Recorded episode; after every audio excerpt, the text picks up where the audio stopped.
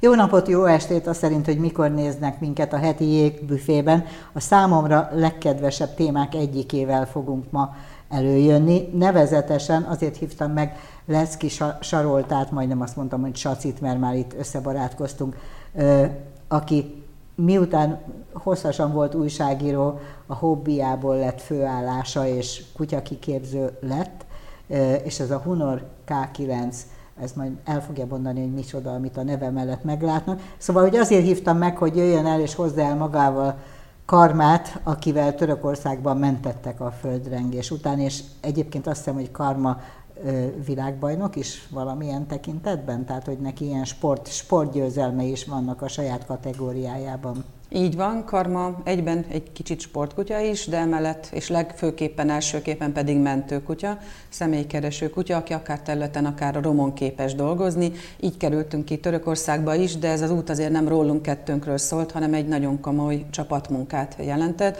hisz az állami hivatásos Hunor mentőszervezet tagjaként vettünk részt ezen a misszión. Az az igazság egyébként, hogy nagyon nehéz lesz Sacit kizökkentenem, hiszen az elmúlt nem tudom én, egy hónapban gyakorlatilag stúdióról stúdióra ment a kutyával, és mondta el ugyanazt, úgyhogy és most megpróbálom, megpróbálom elérni, hogy arra koncentrálj, amit még eddig nem mondtál el, a napi két televíziós, meg rádiós megjelenésetek során, nevezetesen, hogy neki ez már a sokadik, nektek kettőtöknek ez már a sokadik bevetésetek, tehát hogy mentésben? Itt két felé bontom a kérdést. Igazából nekem, mint kutyavezetőnek, ez a negyedik külföldi utam volt földrengés sújtott a területen. Mm. Először 1999-ben Törökországban jártam, ismerkedtem, dolgoztam ilyen, ilyen körülmények között, utána 2005-ben Pakisztánba, 2009-ben pedig Indonéziába volt módon végezni ezt a munkát, most pedig a Törökországban dolgoztunk ismét. Természetesen ez egy 20 sok évet felülelevő időszak, tehát nem egy kutyával végeztem ezt a munkát. Az elsőben Törökországban Kevin nevű belga juhászkutyámmal, utána az ő nagypapájával Kubával voltam, Pakisztánba 2005-ben, 2009-ben Szemír nevű kutyámmal voltam, és most pedig Karmával voltunk, dolgoztunk együtt a csapattal. Ő nagyon tehetséges? Vagy minden kutya körülbelül ugyanazt tudja, akivel itt az elmúlt húsz évben dolgoztál? Én nem nagyon szeretem misztifikálni a dolgokat, nagyon tudatosan választjuk ki a kutyáinkat, megvannak azok a szakmai szempontok, amik alapján alkalmasan válik egy kutya arra, hogy mentőkutya válhasson belőle, de ez egy hosszú út, tehát még utána, ha képességei megvannak, akkor is van egy nevelési és kiképzési folyamat, évek, amin átesnek. Két-három év alatt vizsgáznak, megszerzik a nemzetközi minősítéseket, és így válnak alkalmassá arra, hogy éles munkába vehessenek részt.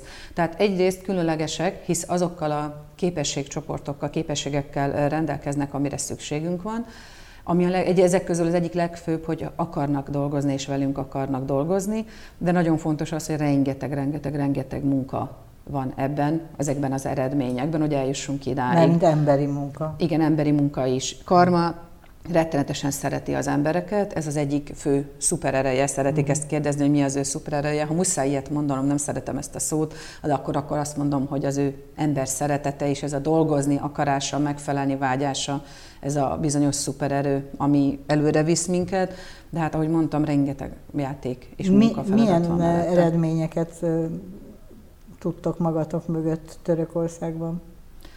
A mentőszervezettel 17 élő embert találtunk, és emeltünk ki. 29 halottat emeltek ki a kollégák, de ennél jóval többet találtunk, nem mindig volt mód arra, hogy rögtön ki is emeljük ezeket a holtesteket. Ez azt jelenti adott esetben, hogy egy élő ért cserébe, akinek a mentése több órás, több napos folyamat adott esetben, hisz födémeket kell átvágni, törmeléket kell mozgatni, mindeközben úgy, hogy utórengések vannak, és attól félünk, vagy, hogy az utórengésektől, vagy önmagában a meggyengült épületszerkezetek miatt magunk az, maga az épület épület a nyakunkba zuhan, tehát ez egy nagyon óvatos, precíziós, több óráig, napig tartó munka is akár, ezért az elsőbséget nyilvánvalóan az élő személyek mentése élvez minden ilyen szituációban. És ott maradtok, amikor mondjuk karma megtalált valakit, akkor a mentést végig végig drukkoljátok a kutyával, vagy Nem, ez egy munka, ez egy munka folyamat, tehát nekünk az úgynevezett felderítésben van részünk. A felderítésnek egyszerűsítve az a célja, hogy megtaláljuk azt, aki, azokat, akik ott még a romok alatt vannak. Ugye most egy földrengésről beszélünk és romkutatásról. Erre többféle eszközünk van. Az első, ami nagyon fontos, hogy kommunikáljunk. Kommunikáljunk az ott lakókkal, az ott lévő emberekkel, akik kim vannak az utcán, a romok között keresik a hozzátartozóikat, hisz tőlük kapunk információt arról, a szituációról, ahol dolgoznunk kell. Ott vagyunk, oda hívnak egy épülethez, például hangokat hallottak, vagy véltek hallani, vagy tegnap még kiabáltak esetleg a romok alól, törmelék alól, vagy üzenetet küldtek, de ma már nem, és meg kell határozni a, a személyeknek a helyzetét, a pozícióját. Ehhez kérik a segítségünket, meg hát a műszaki mentéshez is.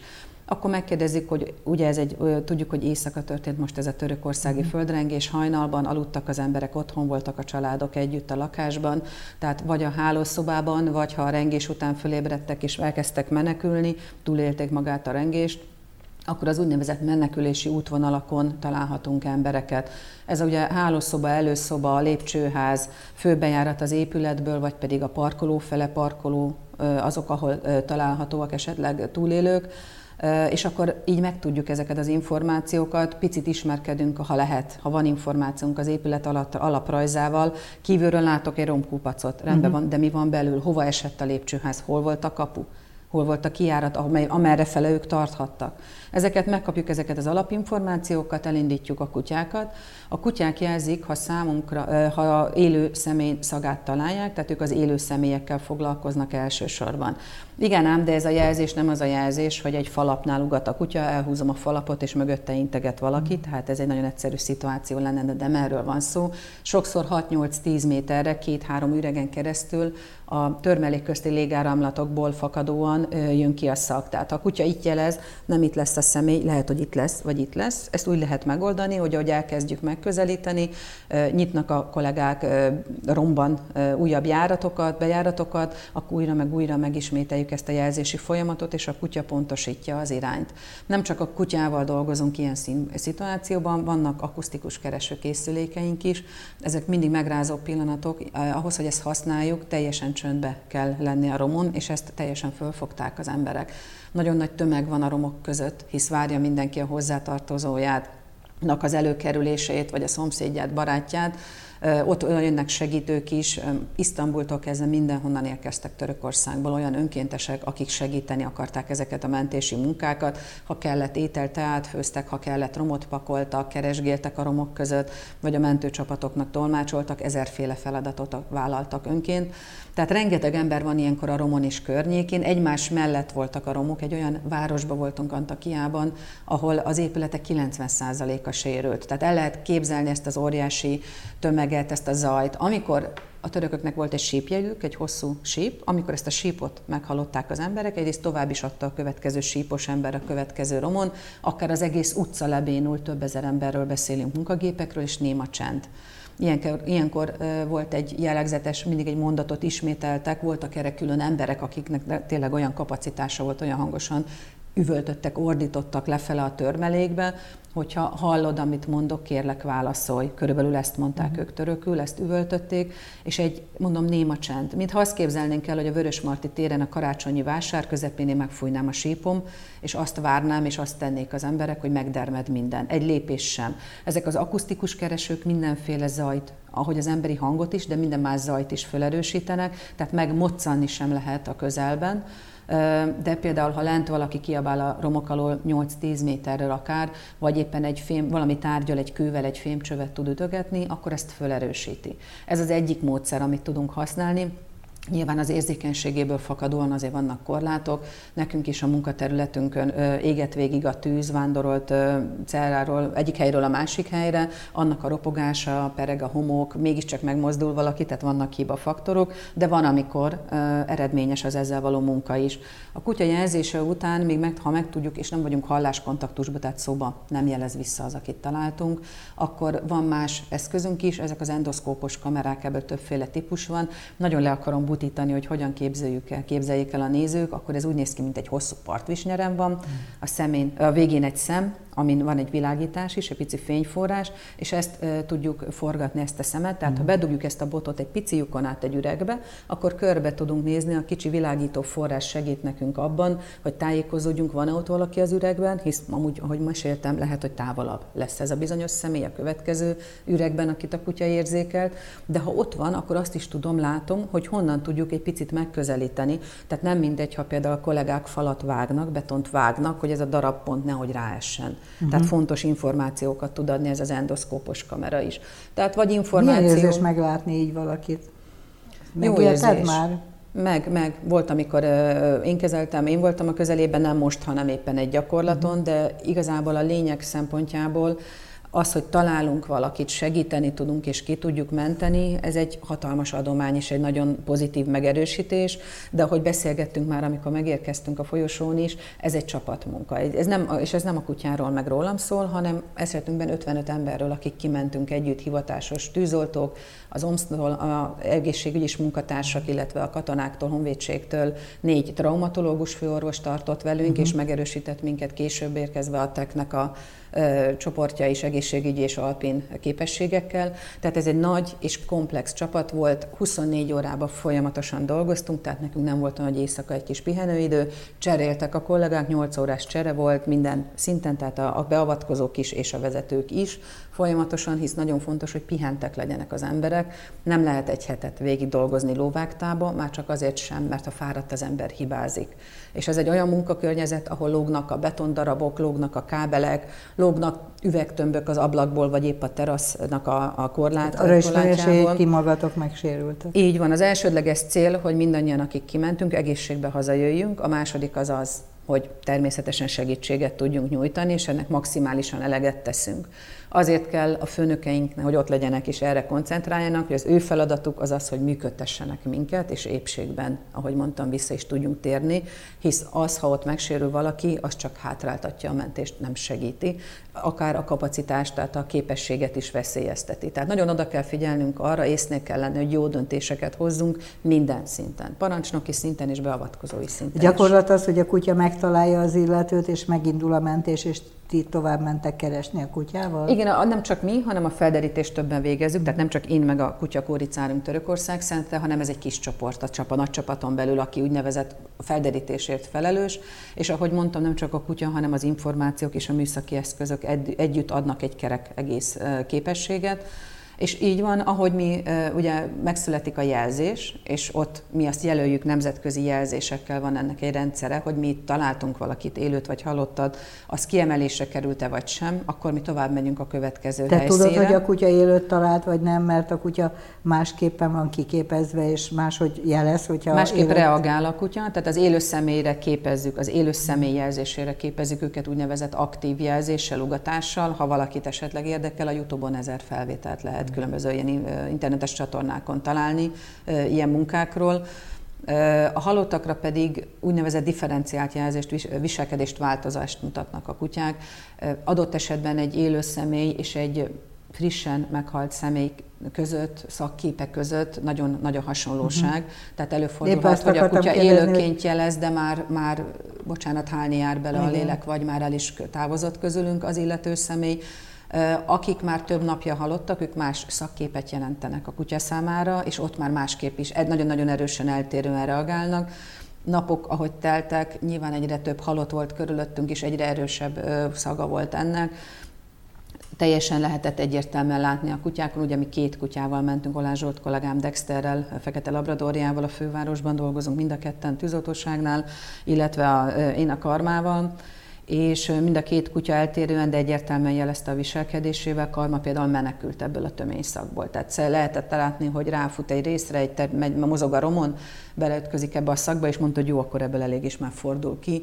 Itt nagyon fontos az, hogy mi nagyon Figyeltek. szoros szimbiózisban uh-huh. élünk és dolgozunk együtt. A kutyáink partnerek, tehát otthon élnek velünk, járnak be velünk a szolgálatba, tehát nagyon kiéleződött az a kapcsolat, és rengeteg tréning van mögöttünk. Minden évben rengeteget utazunk külföldre, gyakorlatozunk különböző épített, szituációs, imitált romokon.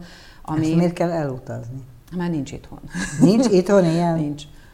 Nem tudtok tampályákat előállítani úgy, hogy vannak építkezések, vannak házbontások, meg ilyesmi? Ha elgond, vagy hogy is mondjam, ha arra visszaemlékszel, hogy most hogyan formálódott Budapest képe az elmúlt 15-20 évben, akkor biztos, hogy megvannak azok a nagy bontásoknak az emlékei a ganzmávaktól kezdve, uh-huh. papírgyáron keresztül, mindenféle egyéb nagy létesítmények, amik lezajlottak. De egyre kevésbé vannak ilyenek. Régen volt, hogy fél évig egy bontásra jártunk, bontási helyszínre, ami nagyon jó volt, hisz életszerű volt és állandóan változott a környezet. Az elmúlt 5-10 évben már szinte egy, egy helyre jutottunk csak be, mások már a bontási stratégiák, egy pici részt bontanak, azonnal darabolják és teherautóra rakják, elszámítják, tehát már nincs az az időintervallum, ahol mi be tudnánk csatlakozni ebben a folyamatban. Jelen pillanatban egy kiképzőbázis van Jászberényben, ahol egyfajta tevékenységet lehet gyakorolni a kutyákkal, de a való életettől azért távolabb áll, és nagyon fontos, hogy a, kutyának, a kutyáknak rutinjuk legyen, általánosítani tudják a tudásukat. Ehhez nagyon fontosak ezek a tréningutak, idén is készülünk Olaszországba, Németországba. Ott vannak jó kis évben. bontások? És nem bontások van? vannak, erre a célra épített tréning rompályák ja, vannak, ahol Aha. imitáljuk azokat a szituációkat, amiket, amikkel később a gyakorlatban is nem találkozni Nem lehet itthon előállítani? De, lehetne. Ha, csak nem fektetnek erre nem fektetnek be erre, mert hogy nyilván nem Biztos vannak erre profitábilis. tervek, célok, de, de erre jelen pillanatban nincsen lehetőség. Most egész képet betöltő hősünk, ő egy nyugodt, helyes, milyen kutya? Ő nem nyugodt, most épp fáradt, mert voltunk sétálni, úgyhogy egy picit el van pilledve. Ő egy belga juhász kutya karma, négy éves, vagy négy éves, nyolc éves, bocsánat, ez a négy éves mindig megmarad bennem. Nem, sajnos nyolc éves, és már erősen nyugdíj közeli állapotban van ami azt jelenti, hogy még van egy-két aktív éve, de most már folyamatosan kivezetődik az aktív munkából, mellette már nevelődnek az utódok, illetve vannak is vizsgázott mentőkutyáim mellette, tehát a szolgált ellátása az lehetséges, nincsen vele probléma, de ahova csak lehető, ettől még velünk jön. Öt te tanítottad be? Igen, ő nálam is született, tehát általában saját uh-huh. tenyésztésű kutyákkal dolgozom. Ja, én magam, igen, én magam, ezek ők több generációs mentőkutyák, tehát ahogy meséltem az előbb, a nagypapájával voltam például Kuba. Kubával, így van Pakisztánban, vele is voltam annak idején mentőkutya világbajnok, ahogy tavaly karmával is sikerült elérni ezt az eredményt. Mindig kérdezik, elébe mondjuk a kérdésnek, ne haragudj, hogy miért érdekes vagy Én jó, nagyon vagy jól fontos. nyugdíjaztam magam, amióta itt, te itt leültél, nekem nem, semmi dolgom nincsen, csak mondjad. Tehát, hogy miért érdekes vagy fontos részt venni nemzetközi vizsgákon, meg versenyeken, és erre nagyon egyszerű válaszom van a tudásért. Nagyon könnyen bezárul az ember, ha egy bizonyos körben mozog mindig, és nagyon jól aktívan, szellemileg is, szakmailag is életbe tartja az embereket a mozgás, a nemzetközi tapasztalatcsere. Ilyen vizsgákon, versenyeken nézzük egymás munkáját. Egyrészt egy jó visszajelzés nekem alapvetően a saját kutyámról, hogy hosszú utazás után idegen környezetben, boxban alszik, vagy épp a szállodai szobámba, vagy sátrazunk, ez mindig változik. Idegen személyeket... A sátrazás az azt jelenti, hogy sátorba alusztok együtt? Igen, igen, igen, igen. Idegen személyeket kell megkeresni egy preparált, előkészített környezetben, ahol a bíró objektíven föl tudja mérni, hogy adott idő áll rendelkezésünkre azon a rom területen, ahol megrendezik ezt a vizsgát. Ott ő erre itt három személyt, hogy adott időben ő azt látja, hogy milyen gyorsan dolgozik a kutya, mennyire önálló, mennyire irányítható, hogyan reagál a személyekre, oda megy és lepisili őket, vagy éppen oda megy és felugatja őket, ahogy várjuk. Tehát ezerféleképpen történhetne a dolog. És akkor ezt a, erről a bíró ad nekünk egy, egy visszajelzést, ugye maga a bírálat formájában. Tehát van egy csekkem, egy tesztem a kutyával, kutyáról, arról, erről a hosszú utazási folyamatról, hisz egy nemzetközi kiküldetésre azért itthon, akár vidéken fölkészülni rendkívül nehéz. A kutyáknak eleve meg kell szokniuk ezt a hosszú utazást, a várakozásokat, azt, hogy nem csak ő, hanem a gazda is kilép a komfortzónájából, és ezt természetszerűen, természetszerűleg a kutyák is megérzik, hisz mi szimbiózisban élünk, nagyon-nagyon sok olyan szituáció van egy ilyen bevetésen, amitől frusztrálódik az ember, és ha más nem kicsiben ezekkel az utazásokkal, már ezt is lehet imitálni. Emellett nézem a kollégák munkáját is, látom azt, hogy kinek nagyon szimpatikus a munkája, vagy éppen nem, de ez is információ. Ki mert, hogy éri el mert az eredmény? Nyilván tudok vele beszélgetni a szünetekben, van erre mód, és meg tudom, hogy ő hogyan tréningezik. Ha nem tetszik, amit csinál nekem, az is érdekes. És mi nem tetszik? Mi, mi, hogy szoktak tréningezni, ami neked például nem tetszik? Ez egy picit hosszú téma szerintem, ezt, ezt most nagyon nem mennék bele, de, de vannak olyan különböző módszerek, hogy hogyan jelez a kutya, milyen jelzéstechnikája van. Erre például tudok egy példát mondani.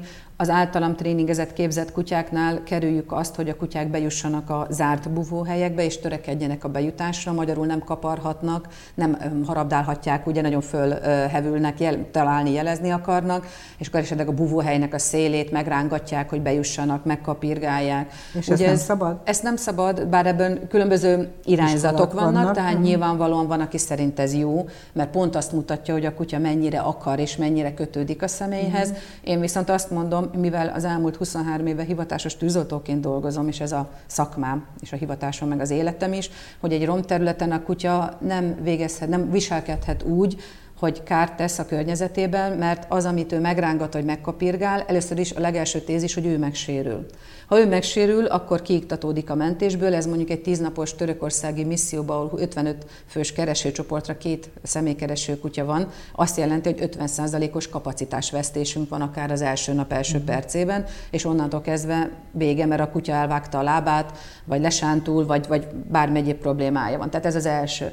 A második, hogy veszélyezteti az embert, akit keresünk, hisz itt ez nem egy fix épített környezetben dolgozunk mi. Egy összeomlott épületnél minden mozog, minden sodródik, a törmelék megmozdul, az ajtó eldől, stb.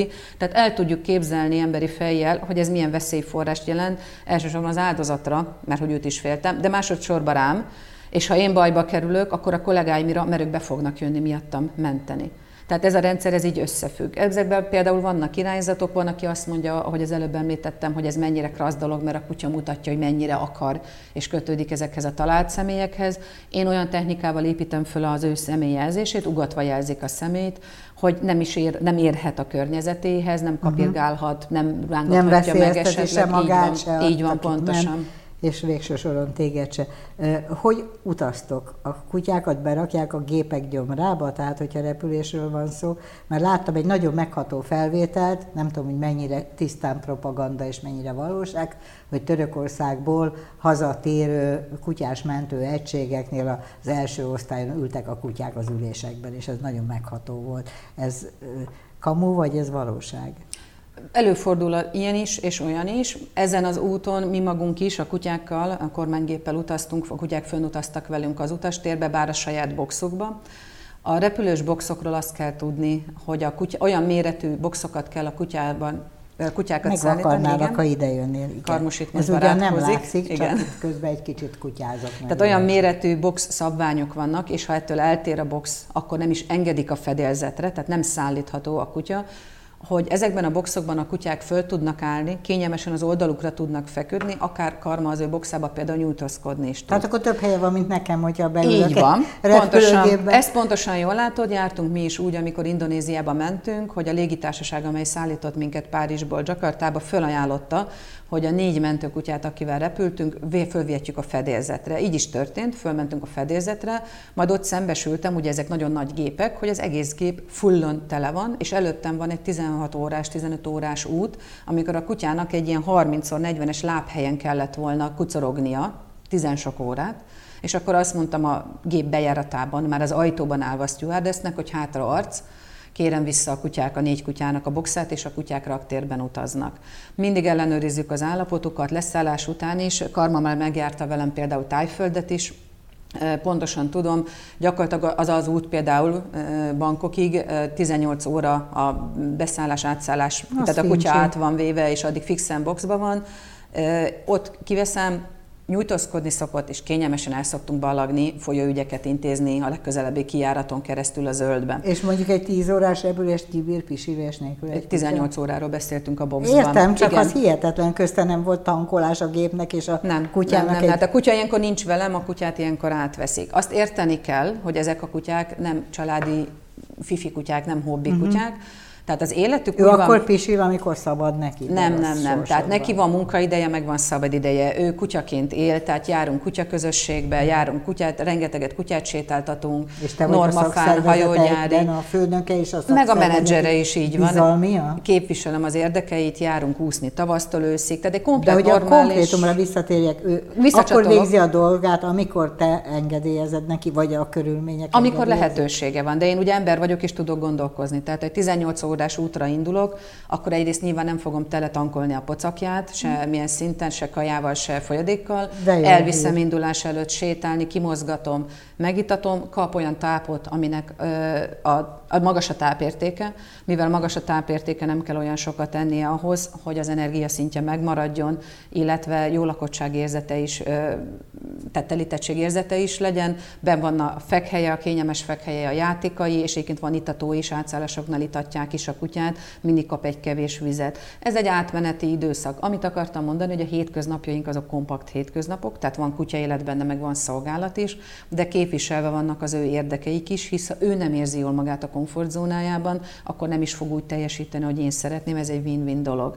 Ennek a része az is, hogy akár a kocsiban, a boxokban utaznak, otthon is vannak szállító boxaim, amivel repül, ez nekem a nappalimban felállítva ott áll a box, és számukra ez olyan, mint a lóistáló, hogy gyakorlatilag este több kutyám is van, több kutya van otthon, amikor este közeleg a lefekvés ideje, meg a nyugalmi idő vacsora után vagyunk, mindenki ilyen boxfoglalás játékkal, vagy cégfoglaló játékot mindenki ismer, gyakorlatilag ilyen jelleget tűnnek el a kutyák nekem lábalól a lakásban, és mindenki megy boxba aludni, mert az az ő zuga, azt ők szeretik. Nyitva van az ajtó, nincs otthon becsukva, nincsen erre szükség, de maguk a boxok, meg a boxban való lét, az egy kikapcsolódási forma ezeknek a kutyáknak amiben eltérnek egy hobbi kutyától. Egy hobbi kutya akkor utazik, amikor röviden beülnek otthon a kocsiba, és elmennek a kutyaiskolára vagy a mezőre. És akkor mondják is a gazdik, hogy milyen ideges a kutya, meg izgatott, hisz rövid távon egy-egy úttal erre az akciós szituációra vannak fölkészítve. A mi kutyáink viszont mindig velünk jönnek, ő egyet tud reggel, egy biztos neki, ami nagyon fontos az összes kutyámnak, hogy a kapun kiusson és a kocsiba bekerüljön, Onnantól, hogy beszállt, ő már mire a sarkon kifordulok, már alszanak. Mert lehet, hogy 10 perc múlva a mezőn vagyunk, meg lehet, hogy két órát még a kocsiba, kocsiba kell maradni. Ez számukra egál, mindegy, már pihennek ott a kocsiban. Tehát ők a boxot a stabilitáshoz kötik, tudják, hogy ott én újra meg újra megjelenek körülöttük valamilyen formában, a felszerelés, ami benne van ismerős, számukra a méret pedig elfogadható, hisz mondom, ezt szabványok is biztosítják, tehát nem lehet másképp föladni. És ezek a boxok, ezek fedettek? Vagy Ez ezek... egy zárt műanyag box. Zárt. Igen. Tehát doboza van minden kutyának. Gyakorlatilag igen, szellőzőkkel minden irányba. Uh-huh. Ez is mind-mind állatvédelmi szabványok. Ezek nagyon szigorúan szabályozva vannak ezek a szállítási feltételek. Érdekes, otthontartásra te ajánlanál boxot kutyákhoz? Boxban nem tartunk kutyát, tehát ez axioma. Tehát mit, mit értek a tartási a, a, formaként? Úgy értem, hogy alvóhelyként. Persze, nem. persze. Igen? Hogyne. Tehát nem kosárkába párnán, hanem... Ez mindenkinek más az ízlése, tehát nyilván van egy kép, hogy mit szeretnél a saját lakásodba uh-huh. látni, de a box az egy teljesen, ha ehhez hozzá van szoktatva a kutya, tehát még egyszer mondom, nem akkor látnak először a boxot a kutyáink, amikor utaznak, hanem így nőnek föl ebben a rendszerben. Ha takarítok, például felsöprök, sokkal egyszerűbb azt mondani, hogy menj be a helyedre, rácsukom az ajtót, és nem kell akár adott esetben vitatkozni vele, hogy ne gyere utánam, ne gyere ide, ne, ne gyere oda, mert én porszívozni, felmosni uh-huh. akarok. Ha jön egy vendég, aki nem szereti a kutyát, sokkal békésebb előtte lesétáltatni, és nem a helyére küldöm mindig vissza, mert például barátságosak ugye a kutyáim, erre szelektálom és nevelem is őket. Nem kell konfliktusba kerülnem, menj be a helyedre, ő meg tudja, hogy ó, ha bementem a helyemre, béke van, akkor én alszom. Ez neki sem trauma, nekem sem feladat, és a vendéget se zavarom adott esetben. Ez a kölcsönös együttélés Hány segítő kutya dolog. van nálad otthon? Jelen pillanatban hat. Ö, és a hat kutya mind kap belőled egy kis darabot? Mert Igen. ugye mindenki azt akarja, hogy te figyelj rá. Így nem? van, így van. Van egy személyes kapcsolatom, van én ideje mindenkinek, van egy családi kapcsolat is, hisz ők egy falka, egyfajta falkát is alkotnak mellettem, de nagyon fontos, hogy ebből nem, egy, nem csak egyben kezelem őket, hanem így külön-külön is van foglalkozási ideje mindenkinek. Nyilván most karmán van a hangsúly, de normál esetben több kutya is mozog velem külön-külön is különböző programokra, pont azért, hogy ez a kötődés meglegyen. Ők is képzett kutyák, a hatból kettő növendék, illetve fiatal kutya, a hatból négy viszont nemzetközi vizsgával rendelkező felnőtt kutyák. Azokat tehát... már megnevelted? Mentőkutyává? Minden kutyám képzett mentőkutya, és mindegyik kutyám jól nevelt kutya, ebbe bízom. Mert hogy te életre halára mentőkutyákat képzel, tehát hogy ez lett a, Más ez lett a hivatásod? Ez a hivatásom 20 sok éve, így van. Hobbiként is, meg munkaként is ez a hivatásom. És mennyi időbe telik az, ameddig mentőkutyává edzel egy jó képességű kölyköt? Évek. Tehát évekről beszélünk mindenképpen, két-három év, amíg a nemzetközi vizsgákat letesszük, és egy licen, ez egy, egyfajta licenszt ad ehhez a munkához.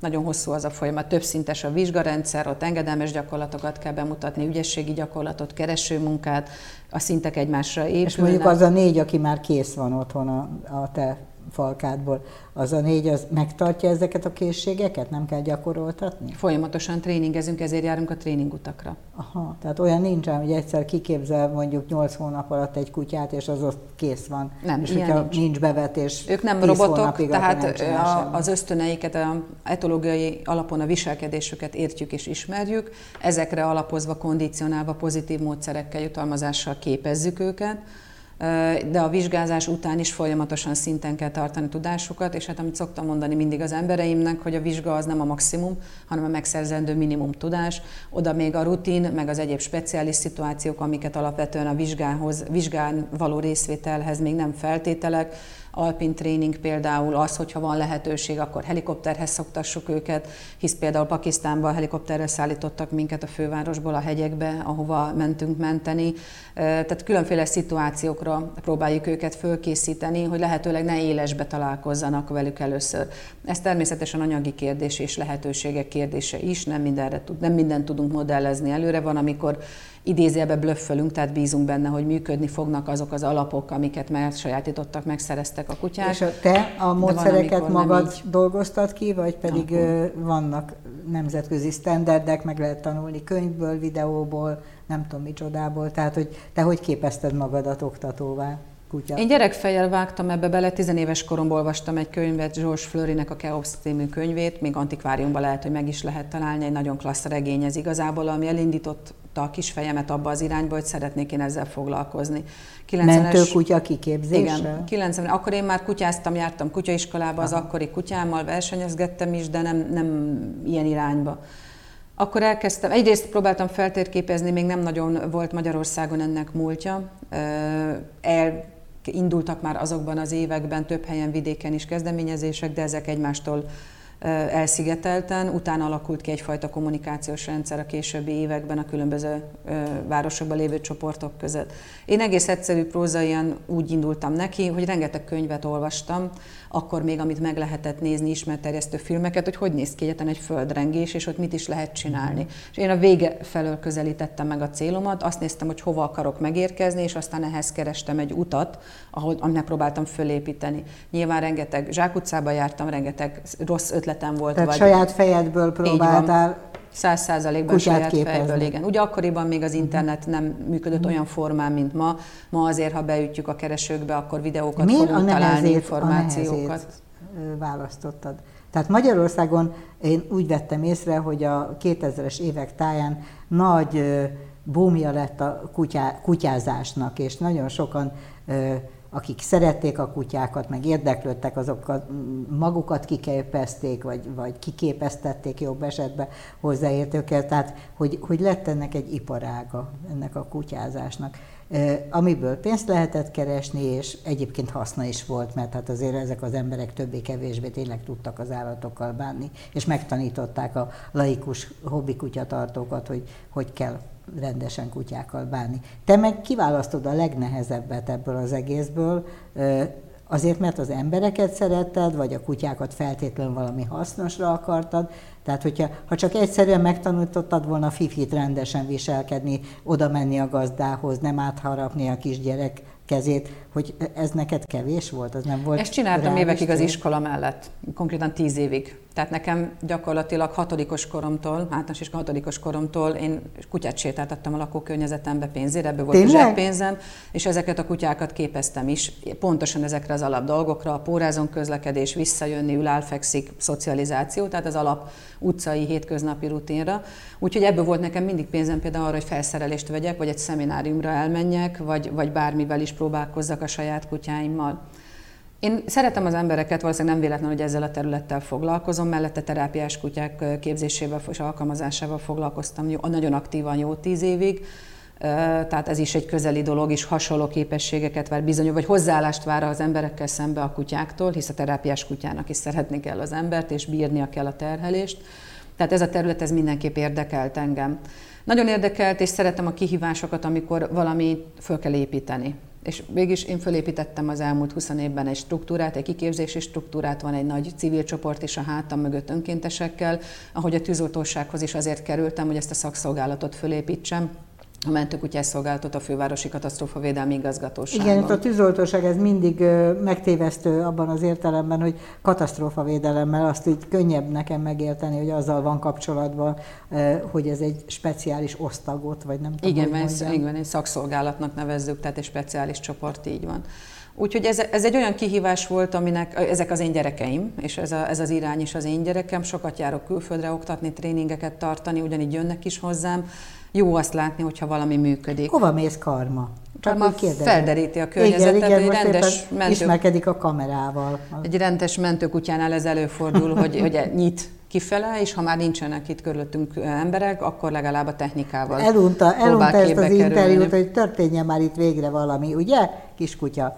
Most, most tudja, hogy róla van szó, mennyire értelmes. Nagyon. Igen, igen, igen, csak elvitte az én Te az emberekkel hogy vagy, Sacikám? Én jól meg vagyok az emberekkel, igazából ugyanazt várom tőlük, mint a kutyáktól, hogyha van bennük lojal... Nem, azt nem, de ha van benne lojalitás, meg együttműködési vágy, akkor már jók vagyunk. Na, fölül az öletbe. Igen, igen, megérkezett. Igen, ezt, ezt a képet szeretük volna megörökíteni. És, és családod van? Tehát úgy értem, hogy, hogy van, van férfi, aki kibírja, hogy hat, hat kutyával kell megosztani az otthonát? Úgy gondolom, hogy ez kölcsönös, mindannyiunknak megvannak a gyengéi, meg az erősségei, és hál' Istennek, igen, a férjem egy toleráns természetű ember. Úgy, Téged úgy, már a... kutyával igen, ő már meg, kutyával tudta. ismert meg, sőt annyira, hogy az első törökországi utam, az kb. két hete ismertük egymást, és pont indultunk valahova barátok, barátokkal pihenni, amikor épp megérkeztünk konkrétan Balatonra, egy, egyik este, és másnap reggel volt a indulás Törökországba. Rögtön hogy hozott is vissza Budapestre csomagolás, és fölrakott a repülőre. Úgyhogy így indult az antrénk, az utunk is így kezdődött. És a kutyák hogy bírták, hogy férfi jön az életedbe? Mert azért ez egy Nekem barátságos nyitott kutyáim vannak, Igen? úgyhogy nincs ezzel gond. Nem, Van egy... nem, nem mondták, hogy ők már itt voltak, nem. és mindenki húzódjon nem, nem, vissza? Nem, nem, nem. Ezt nekik nincs joguk sem mondani, ez nem az ő feladatuk eldönteni, hogy ki szerepel a mi életünkbe. Tehát nálunk egy fős vezetés van, és ezt én képviselem. Igen, és ez egy alap dolog, azt hiszem a kutyáknál, ugye sajnos. Mert nekem például volt egy rettenetes vizslám, olyan értelemben rettenetes, hogy, hogy mindent, mindent rommá tett, ami a környezetében volt, és akkor azt mondta nekem egy kutya kiképző, aki megnézte a vizslát, hogy hogy lehetne szocializálni, és azt mondta, hogy próbáljam megérteni, hogy a vizslának főnök kell, és hogyha én nem vagyok az, meg senki a családból, akkor ő lesz a főnök. És hogy ezt a sorrendet ezt valahogy meg kellett volna tanítani. De mi erre alkalmatlanok voltunk, mi csak ilyen demokratikus gazdák tudunk lenni, és aki tud ehhez alkalmazkodni, az elviselhető kutya, és aki nem, az meg uralkodik rajtunk.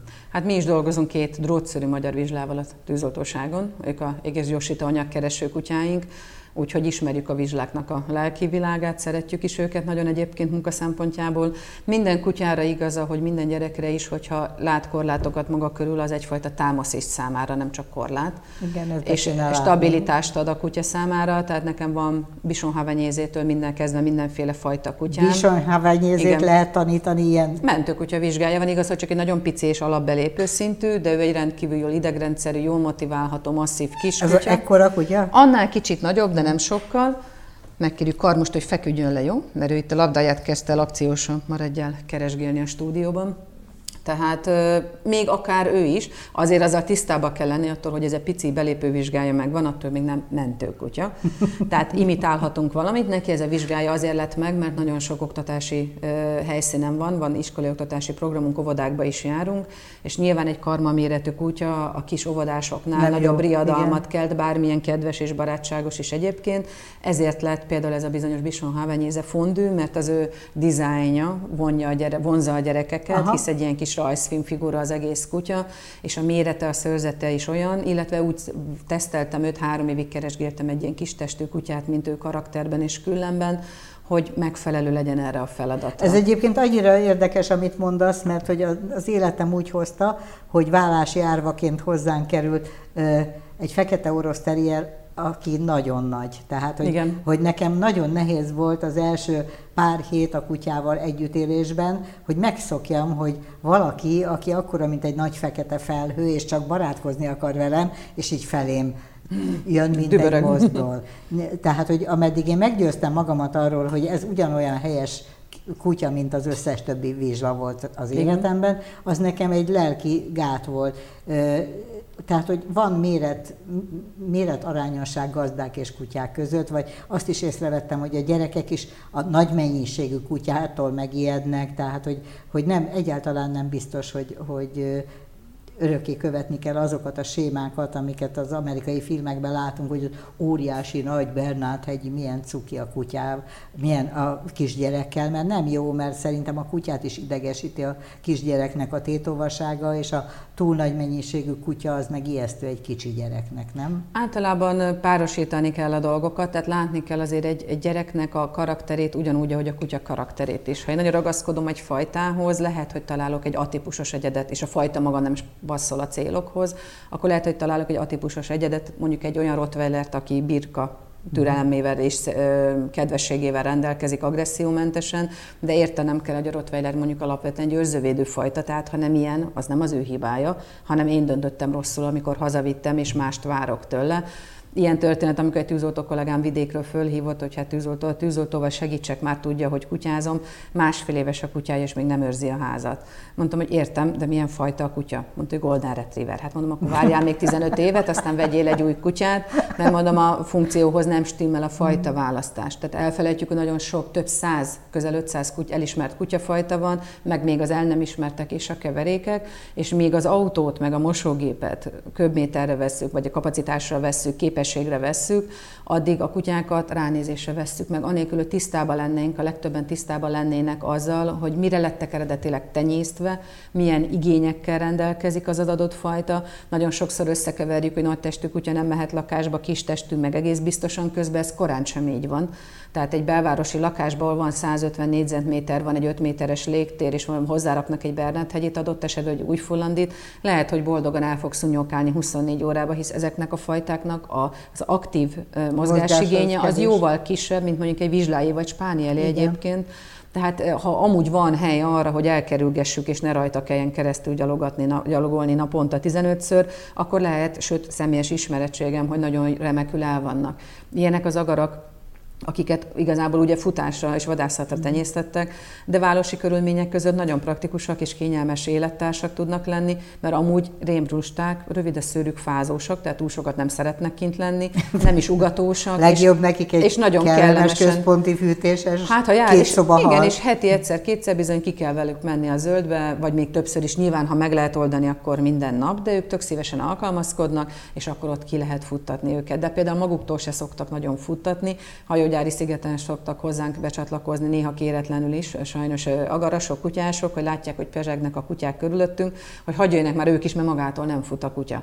Tehát kell neki a társaság vagy a cél. És akkor kénytelen vagy még másik húsz kutyával együtt gyakorlatozni? Hát nem gyakorlatozunk, ezek sétás szabadidős ja. tevékenységek. Nyilván itt azt figyelembe kell vennem, hogy én egy kutyafalkával vagyok jelen, akinek van egy belső energetikája, uh-huh. tehát a saját kutyák, ugye önként egy-két kutyánál több van, az már kutyafalka, bárhogy is nézzük tehát azt kell néznem, hogy kompatibilis-e velünk az a kutya, aki becsatlakozott-e, vagy sem. Jobb esetben van módon megbeszélni a gazdával, mert ő is oda jön, van, amikor kéretlenül kapjuk őket a nyakunkba, akkor pedig kár elhárítunk, hogy ne legyen konfliktus.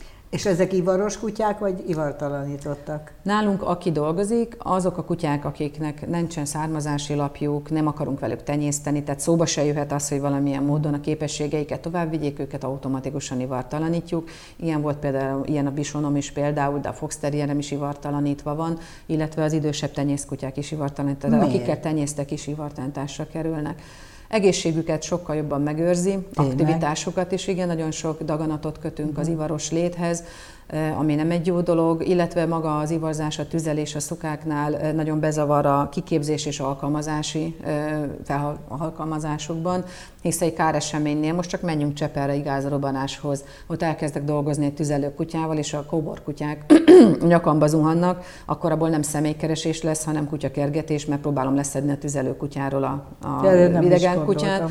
Tehát nyilvánvalóan ez nem komfortos, pláne külföldön, egy bevetésnél el tudjuk képzelni, hogy vannak kanok a csoportban, meg van egy tüzelőszuka, gyakorlatilag az egész csoport munkáját tönkre vághatja az a kutya. Nyilván mondhatnánk, hogy erre lehet tréningezni, de ezek eredeti ösztönök, és ha egy mód van rá, nem hozok se kutyát, se magamat, se mást kellemetlen helyzetbe. És miért nem tenyésztesz? Tenyésztek.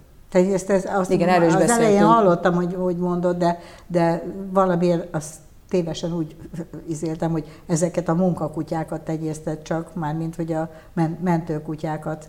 Hát tenyésztek, és az alomból veszem ki az én új mentőkutyáimat is, de Aha. nyilván, mivel én erre szelektálom a párosításokat, ezért nagyon sok mentőkutya van tőlem. Például Antakiában nyolc mentőkutya dolgozott, olyan, aki az én udvaromban nálam született az én lakásomban, és négy országból érkeztek ezek a kutyák. És ezek milyen típusúak? Belga juhászkutyák voltak, De... Malinoák, Karmának például a testvére ott volt Szlovéniából. Az, az a Malinoa, fia, ez belga juhász? A belga juhászkutyák az egy gyűjtőcsoport, és ja. azon belül négy fajta van, és az a négy fajta közül a rövidszörű verzió az a Malinoa. De Azért emellett... nekem az volt az emlékem, hogy mintha a belga juhásznak nagy szőre lenne. Valószínűleg ugyan, ha ugyanilyen színbe láttad, akkor ez egy tervőren volt, ha hosszú szőrbe, de fekete, akkor az egy grönendél, ha pici lopni szőre volt ilyen színben, az pedig egy léknoá, és ebből a rövid szőrű és ilyen színű változat, az pedig a malinoá. És ők miért különlegesen érdekesek? Tehát, hogy miért, mire jók? Igazából azért egy, egy jól alkalmazható fajta és rendőrségi, egyéb szakszolgálati uh-huh. célokra is őket használják most már nagyobb részt német juhászkutyák helyett, akár Németországban is bezárólag nagyobb számban mert mai napig egy olyan fajta, ami elsősorban munka szempontok alapján, alapján uh-huh. szelektálódik. Tehát kiállításokon, mondjuk Border Collie-ból vagy Golden Retrieverből lehet, hogy indítanak százat is egy, egy kutya kiállításon, addig belgából egy vagy két darab, ha megjelenik, akkor tapsikolnak, mert ez a fajta valójában nem erre van, és a tartóik sem erre koncentrálnak. Van egyfajta tenyész szemle, ami meg kell velük jelenni. Ez azt jelenti, hogy megnézik, hogy a fajta jelleget hordozzák-e, tehát egy malinoának kinéző egyedről beszélünk-e, ne legyen háromfüle, kacskafarka, le legyen foltos, stb. Tehát van egy standard, ami leírja a megjelenést, uh-huh. és ez a standard biztosítja azt, hogy így is marad a fajta, ilyen anatómiával fog rendelkezni, egy könnyű testű szikárkutyák, nagyon mozgékonyak, hatalmasat tudnak ugrani, nagyon jól terhelhetőek fizikailag, illetve a tenyésztéshez kapcsolódnak a munkavizsgák is ennél a fajtánál, tehát amikor akar, szeretnék egy ilyen kutyát vásárolni, és tudom, hogy milyen célra, akár sportcélra veszem ezt a kutyát, akkor meg tudom nézni, hogy a felmenők alkalmasak voltak-e arra a célra, mert ez szerepel a törzskönyvön, szerepelnek ezek az eredmények. Sajnos lejárt az időm, pedig még azt meg akartam mindenféleképpen kérdezni, idegen kutyákkal, hogyha az utcán összekeveredsz, akkor azok tudják, meg, megérzik rólad, hogy te egy főnök vagy? Tehát szépen ez oda mennek és jelentenek? Ez, ez teljesen kutyafüggő. Ha kutyával vagyok, már pedig mindig kutyával vagyok, akkor mindig először kutya és kutya reagál. Ja, tehát, tehát mire én a képbe te... kerülök, igen. már rég elment az idő. és azt akartam volna még megbeszélni, hogy te újságíró voltál, és az volt a fő foglalkozásod, igaz? Így van. És csalódtál bennünk, vagy mi? Csalódtál a foglalkozásodban? Nem, változott az élet, és ez, ez így az ezredfordulón a szakma is változott. Maradtam, pedig én is szeretem a kutyákat. Nekem nyílt egy lehetőségem, hogy a változó környezetben egy olyan utat válasszak, ami egyformának két szakterület, az újságírás, adott esetben a tévézés jelen volt az életemben, és mellette a kutyázás, mentőkutyázás is. Igazából a hangsúly tevődött, tehát mai napig írok adott esetben cikket, fotózok, forgatunk, hogyha úgy alakul. De nem csak kutyákról de ezek szerint. Azért nekem most már leginkább a szakirodalom fele ment az irányom, hisz az időm az véges, a férjem mellett gyermekem is van, van egy 12 éves fiam, van munkám, nem is szüleim vannak, családom van kutyá, kutyázásba beszáll a gyerek? Nem, általában a kutyásoknál kétfajta reakciót figyelünk meg, vagy nagyon kutyások lesznek, vagy egyáltalán nem. Ez, a, ez a két verzió van, ő az egyáltalán nem kategória jelen pillanatban, aztán meglátjuk majd mit hoz a felnőtt kor, meg a, ha vége lesz végre a kamaszkornak. Ez nagyon érdekes, mert az én fiam annyira akart kutyát, hogy komoly zsarolási alap volt tanulmányi eredmény szempontjából, így született az első kutyája, hogy én tudtam visszaélni azzal, hogy majd akkor, ha a bizonyítványba, stb. És egész életét végig kísérik a kutyák, az unokám az pedig fütyül a kutyára. Tehát azt mondanám, hogy udvariasan tudomásul veszi, hogy ott van egy kutya, nem fél tőle, de egyáltalán nem érdekel. Az én fiamnál a szakállás agálma nyert jelen pillanatban, tehát most az az izgalmasabb téma, és ő is ez az udvarias jelenléttel lehet jellemezni, nem fél tőlük, tudja kezelni a szituációkat, de nem, nem köti őt le. Hát akkor másból lesz. Esetleg majd, hogyha lesz még egy gyereked, akkor nem minden gyerek egyforma lehet, hogy az majd tovább viszi a családi hagyományt. Lehetséges. Köszönöm szépen, hogy itt voltál. Lecki Saroltát hallották, és jövő héten is lesz jégbüfé. Nézzenek minket akkor is. Viszontlátásra!